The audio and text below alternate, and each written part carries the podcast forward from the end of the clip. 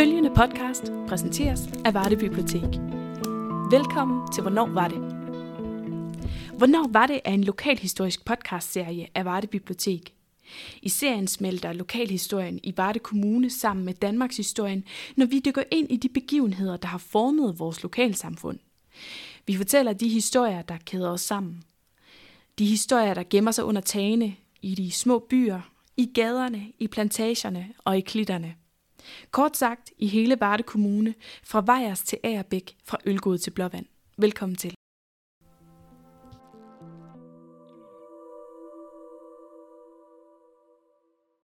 Episode 3. Man talte ikke om krigen. Det er en lørdag aften, og klokken er lidt i syv. Familien Mathiasen spiser aftensmad, som så mange ude i de danske hjem. Snakken går rundt om bordet om dagens begivenheder, mens bestikket kliger mod tallerkenerne. Der er godt gang i brændeovnen, og sterinlysene er tændt. Mørklægningsgardinerne er allerede trukket ned, og udenfor er det mørkt, koldt og klart. Det er den 16. januar 1943. Mod nord kan man høre den allerfjerneste lyd af motorstøj. Der er ikke nogen, der kan forudse, hvad der snart vil ske. Det her er en af de gemte og næsten glemte historier. Det er en af dem, hvor man kan stille en hel masse spørgsmål, men mange vil vi sikkert aldrig få et svar på. Men noget ved vi med sikkerhed. Inde på lokalarkivet i Agerbæk har de nemlig snust en historie frem, som er ret dramatisk. Leo Mathisen er arkivleder på Agerbæk Lokalarkiv, og han fortæller historien om familien Mathiasens begivenhedsrige lørdag aften i januar 1943. Ja, vi er jo midt imellem, altså Forborg var i 64, og, og det er midt imellem Agerbæk og Forborg by. Hvor uh, familien uh, Mathias Mathisen, uh, de sidder og spiser aftensmad, og så uh, sammen med datteren, hendes kæreste og en tjeneste Karl, der hører de så en lyd af, af en fly, hvor, hvor datteren hun siger, den vil jeg ud og se. Anna har vel været ligesom alle andre piger på 19 år. Nysgerrig, fuld af gå på mod og trods krigens skygger forholdsvis fri af bekymringer. Livet er kun lige startet, og hun er forelsket. Men på det her tidspunkt ved Anna ikke, at hun har truffet et skæbnesvangert valg. Anna kommer ud i entréen og har retning mod døren, da alting pludselig går ekstremt hurtigt. Der lyder et enormt og en trykbølge slår mod huset med en voldsom kraft. Yderdøren splindres ved trykket, og Anna bliver ramt og væltet om kul af døren, der bliver sprunget væk fra sine hængsler. Hvad i alverden foregår der?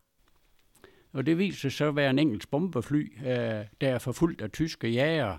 Og den kommer så flyvende lav ind over Rodebæk-området, og den kom ud fra Vrandrup-siden af. Og så for at slippe øh, af med de her jæger, og så smider den lasten, begynder allerede ud i, øh, ved Nordenskov-området og smider sådan nogle lysbomber. Og den sidste lysbomber, den smider, den øh, rammer lige ned i loftet på øh, Forborgvej nummer 113 af der øh, Niels Timmermand.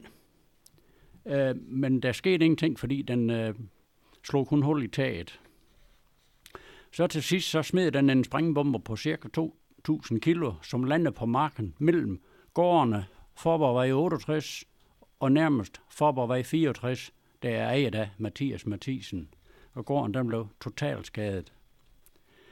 Da datteren som sagt øh, kommer ud i en træn, der springer bomben, og hun bliver hårdt kvæstet, da hun bliver ramt af den splintrende dør.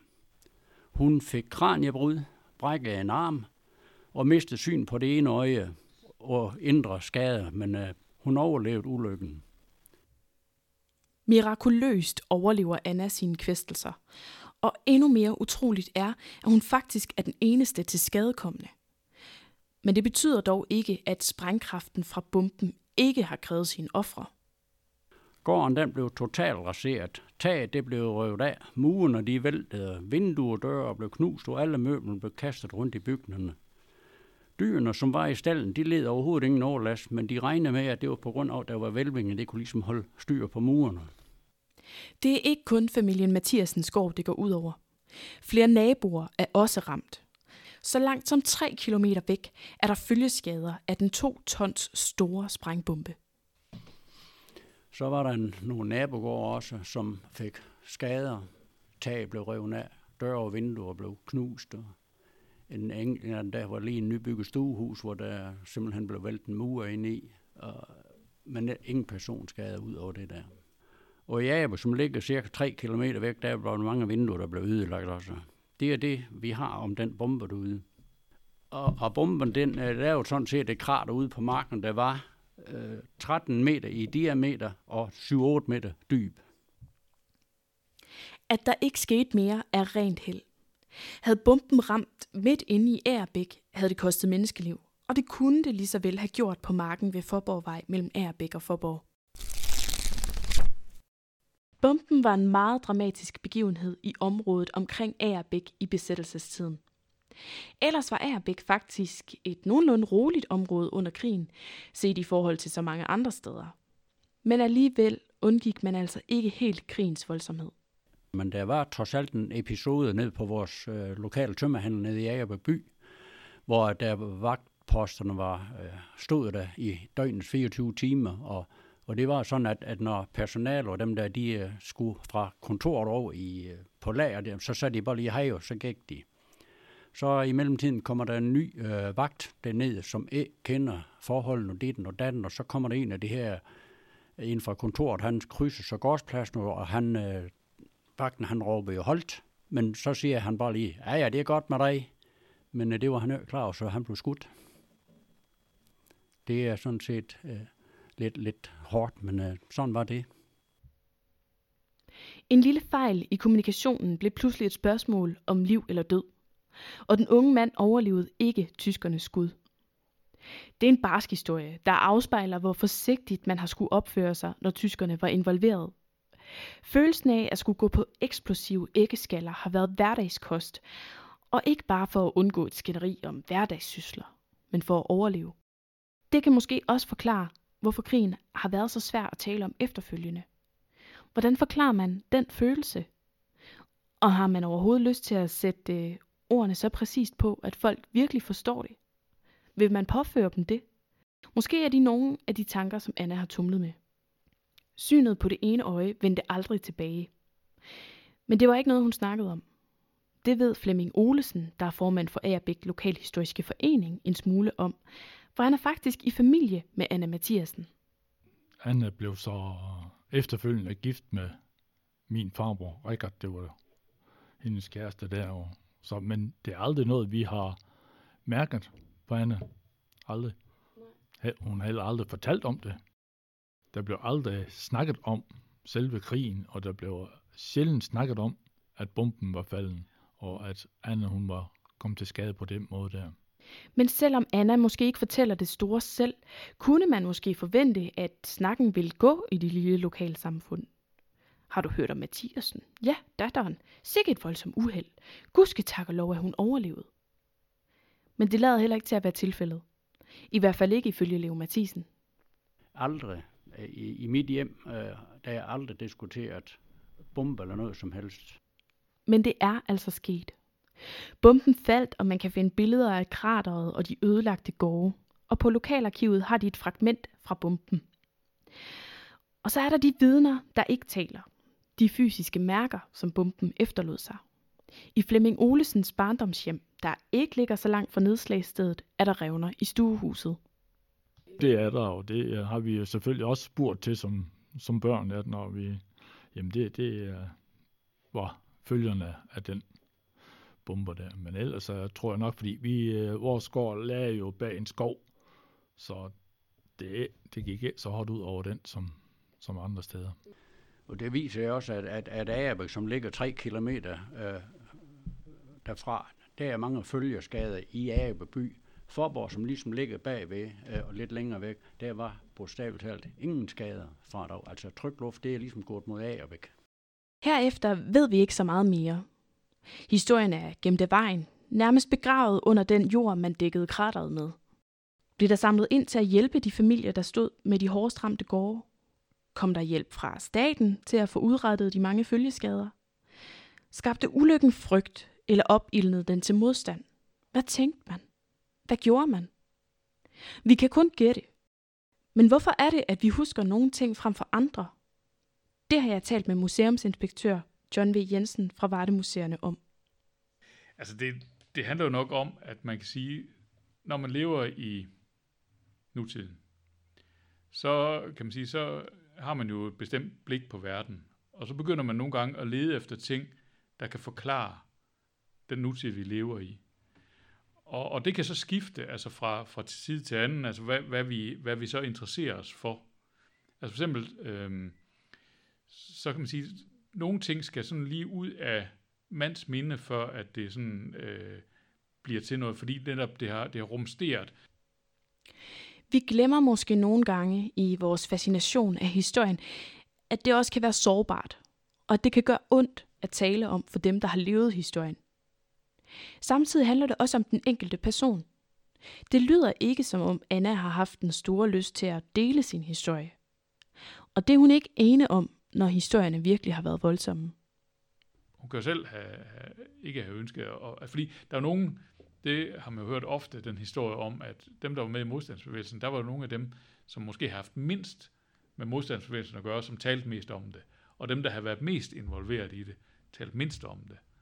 Sådan øh, er det nogle gange. Ikke? Altså, dem, der virkelig havde set noget ubehageligt, de havde ikke rigtig brug for at udtrykke en hel masse om det. Hvorimod dem, der måske var kommet ind i sidste øjeblik, de var sådan lidt mere klar til at, at blive fejret som helte, men måske med ringere, øh, kan man sige, med ringere grund end de andre. Ikke?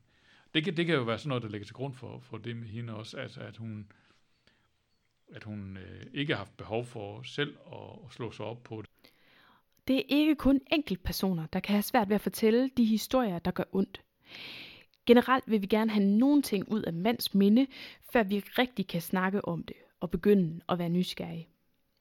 Det har også været tilfældet med de tyske betonbunker, der er finde på store dele af den jyske vestkyst.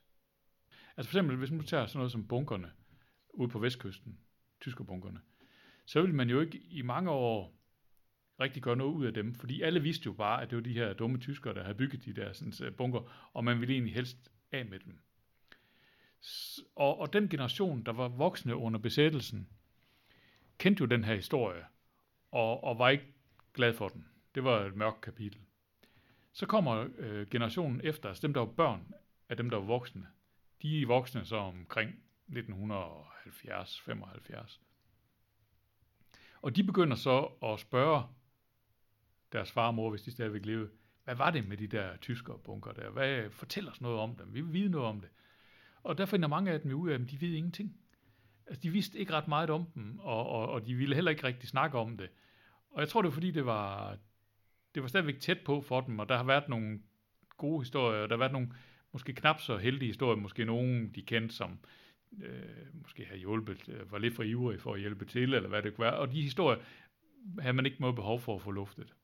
Så de historier, de, øh, de blev bare ikke i tale sat, som man siger på nudansk. Og så kommer så øh, deres børn, og vi følger så efter igen, som er børnebørn til de her. Og øh, vi stiller så spørgsmål, hvad var det? Fortæl os nu, hvad det var. Find ud af, at det, der er ikke mange svar, så, så må man så gå en anden vej. Så må man jo i arkiverne i stedet for, og så se, hvad er der, hvad er der så bevaret? Hvad, hvad, kan vi, hvad kan vi se? Hvad, vi er ude at, altså man øh, så sætter jo gang i sådan nogle registreringsprojekter omkring de her bunker, for at finde ud af, hvad, hvad, hvad, hvad handlede det her om? Altså bare da jeg var barn, så hvis jeg var ude på, på vestkysten og så de her bunker, så spurgte mine forældre, øh, hvad, hvad, hvad, hvad er det for noget? Og så fik jeg jo selvfølgelig at vide, at det var nogle tyskere, der havde bygget, men, men så fik jeg ikke ret meget mere at vide. Lokalarkiverne er helt centrale for, at vores lokale fortællinger ikke går tabt.